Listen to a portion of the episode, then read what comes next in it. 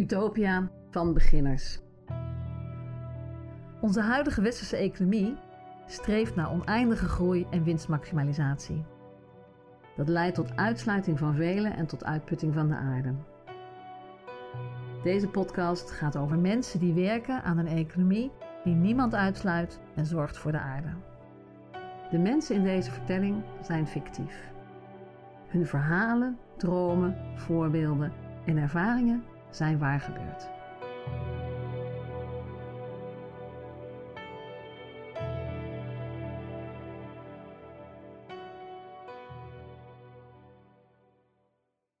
Sophia, grootmoeder, geboren in 1943. Loopbaan, dochter, moeder, grootmoeder, geweten van de toekomst en bewaarder van verhalen. Vroeger was alles beter. Het leven was eenvoudig. Je had geen keuzestress. De wereld was nog schoon en de natuur was nog overvloedig. Ik leef al lang, maar ik vraag me af of het waar is. Het fijne van oud zijn is dat je door de tijd heen kunt kijken. Dat je weet dat gebeurtenissen niet op zichzelf staan.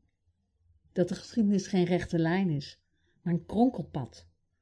Een pad waar de toekomst zich al in aftekent.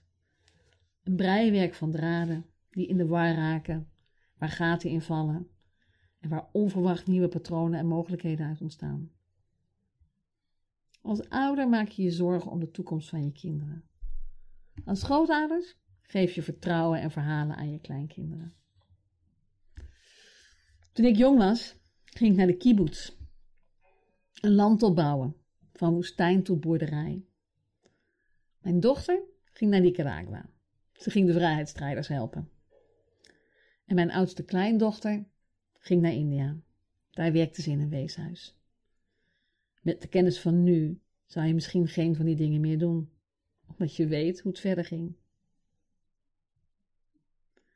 En soms weet je vooraf al hoe het verder gaat, toch? We zullen straks bedolven raken onder ons eigen afval. En we zullen verstrikt raken in de Sustainable Development Goals. Omdat het nou eenmaal niemand lukt om al die 17 dingen tegelijk te doen. Wat wel zou moeten. En dus maken we grote verhalen. Trekken we rookgordijnen op, gewoon omdat we bang zijn, omdat we weten dat het anders moet, maar niet weten hoe. Mijn jongste kleindochter, die is anders. Anders dan ik, dan mijn dochter en dan haar zus. Wij, wij houden van groots en meeslepend. We willen de loop der dingen veranderen. Wereldverbeteraars, dat zijn we. Zij niet. Ze houdt van het dagelijkse, van het kleine, van de eenvoud. Ze houdt van het leven zoals het vroeger was. Maar dan nu, hier en nu. Zij ging nergens heen. Ze is een held in het kleine. Ze noemt zichzelf een commoner. Heb je daar ooit van gehoord? Nou, ze zegt: de economie gaat over het dagelijks leven. Alles wat we hebben en doen is van ons allemaal. Het zijn commons die we samen maken, waar we samen voor zorgen en die we samen zullen gebruiken en delen. Het mooie is dat ze ook echt zo leeft. Zo zorgt ze samen met anderen voor het voedselpark, een openbaar park vol met eetbare planten en bomen. Ze geeft en deelt wat ze kan en ze neemt wat ze nodig heeft. Ze doet nu ook mee aan een project in Londen, waar mensen van vruchten en granen uit de buurt frisdrank en bier maken. Ze doen alles zelf. Iedereen die meedoet krijgt een deel van de opbrengst. En wat me opvalt, is dat mensen meedoen om heel andere redenen dan die opbrengst. Weet je, zoals die vrouw ze bakt al jaren de lekkerste muffins. Maar ze heeft niemand om ze aan te laten proeven. Nu neemt ze ze mee naar alle bijeenkomsten. En het bijzondere is dat er dan weer twee mensen zijn die vooral meedoen aan het project vanwege haar muffins. Er is ook een school bij betrokken, zodat de kinderen kunnen leren over planten en voedsel. De kinderen ontwerpen etiketten voor de flesjes. Ze werken met drones om de gewassen te inspecteren en oogsten en ze luisteren naar de verhalen die de mensen elkaar vertellen. De buurt is door dit project zoveel groener geworden. Dat is ook voor een paar mensen reden om mee te doen. Ze vinden het heerlijk nu om buiten te zitten. Ze wandelen regelmatig door de buurt om hun hoofd leeg te maken, of een praatje met hun buren te maken, of hun hart te luchten. Weet je, al die verhalen doen me aan vroeger denken. Toen verbouwden we thuis groenten in de tuin, die we dan weer ruilden met de buren. Maar dat was noodzaak. Mijn kleindochter kan gewoon kiezen. Ze kan ook naar de supermarkt. Maar dat wil ze niet. Ze maakt een keuze. Ze gelooft niet in de huidige economie. Ze gelooft in commoning. Samen commons maken en ervoor zorgen. Ze doet ook mee in een verzekeringsgroepje. Ze leggen allemaal elke maand een bedrag in. Voor het geval er iets gebeurt. Je legt zoveel in als je kan en de ene kant is dat meer dan de andere. Alles is goed. En stel, je verliest je fotocamera op reis. Dan ga je samen overleggen of er genoeg geld in de pot zit en of dit iets is waar de pot voor bedoeld is. Elke situatie is uniek. Misschien dat de een de camera niet vergoed krijgt en de ander wel. Bijvoorbeeld omdat hij veel meer in de pot heeft gestort dan de rest. Of omdat niemand anders een vergoeding nodig heeft. Of omdat de camera nodig is voor het werk dat diegene doet. Elke situatie is anders.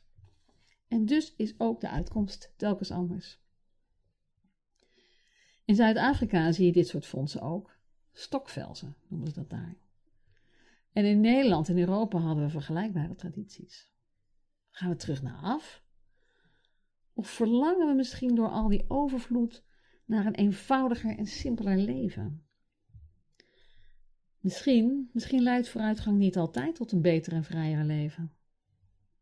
De dochter van een vriendin van mij, ze is acht, die zei: ik wil geen slaaf van de economie worden of van het geld. Ik wil gewoon van mezelf zijn. Ach, misschien zitten we niet in een tijdperk van verandering, maar in een verandering van tijdperk. Dat zegt Jan Rotmans. Ik heb altijd gedacht dat een verandering van tijdperk vraagt om grote verhalen en gebaren. Maar terugkijkend op het breiwerk van mijn eigen leven, weet ik beter waar ik de economie opnieuw wilde ontwerpen, begint mijn kleindochter een platform om kleding te delen. En waar mijn dochter aanklachten tegen het grootkapitaal schreef, repareert mijn kleindochter de wasmachine van de buurvrouw. Het grappige is dat Jan Rotmans ook een man van grote verhalen is. Zijn verhalen gaan over nieuwe technologie, die het mogelijk maken om op kleine schaal te produceren. Een groot verhaal over kleine dingen. Zodat we thuis, in de wijk of in de stad, kunnen maken wat we nodig hebben. Met materialen die we steeds opnieuw gebruiken, steeds opnieuw vormgeven. Vooruitgang gaat niet meer over groot, groter, grootst. Het gaat over dagelijks samenmaken. Misschien dat dit tijdperk, dit nieuwe tijdperk, wel om schoonheid van de eenvoud of vreugde van het dagelijkse gaat. We hebben eigenlijk best weinig nodig om ons gelukkig en rijk te voelen. Er is een grens aan groei.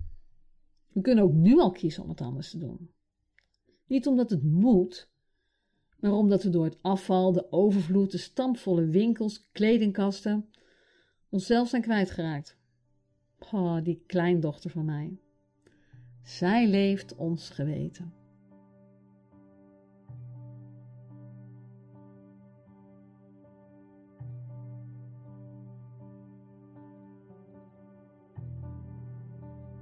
Met dank aan Studio Volker de Jong en Galerie Fons Welters in Amsterdam. Rabobank Kunstzaken, eh, Veerli Klaassen. En Arne Hendricks, The Incredible Shrinking Man and Growth. Festival Sur Niger, Herenboeren Nederland, NVU, Company Drinks, Podium Blows en Avans Hogeschool.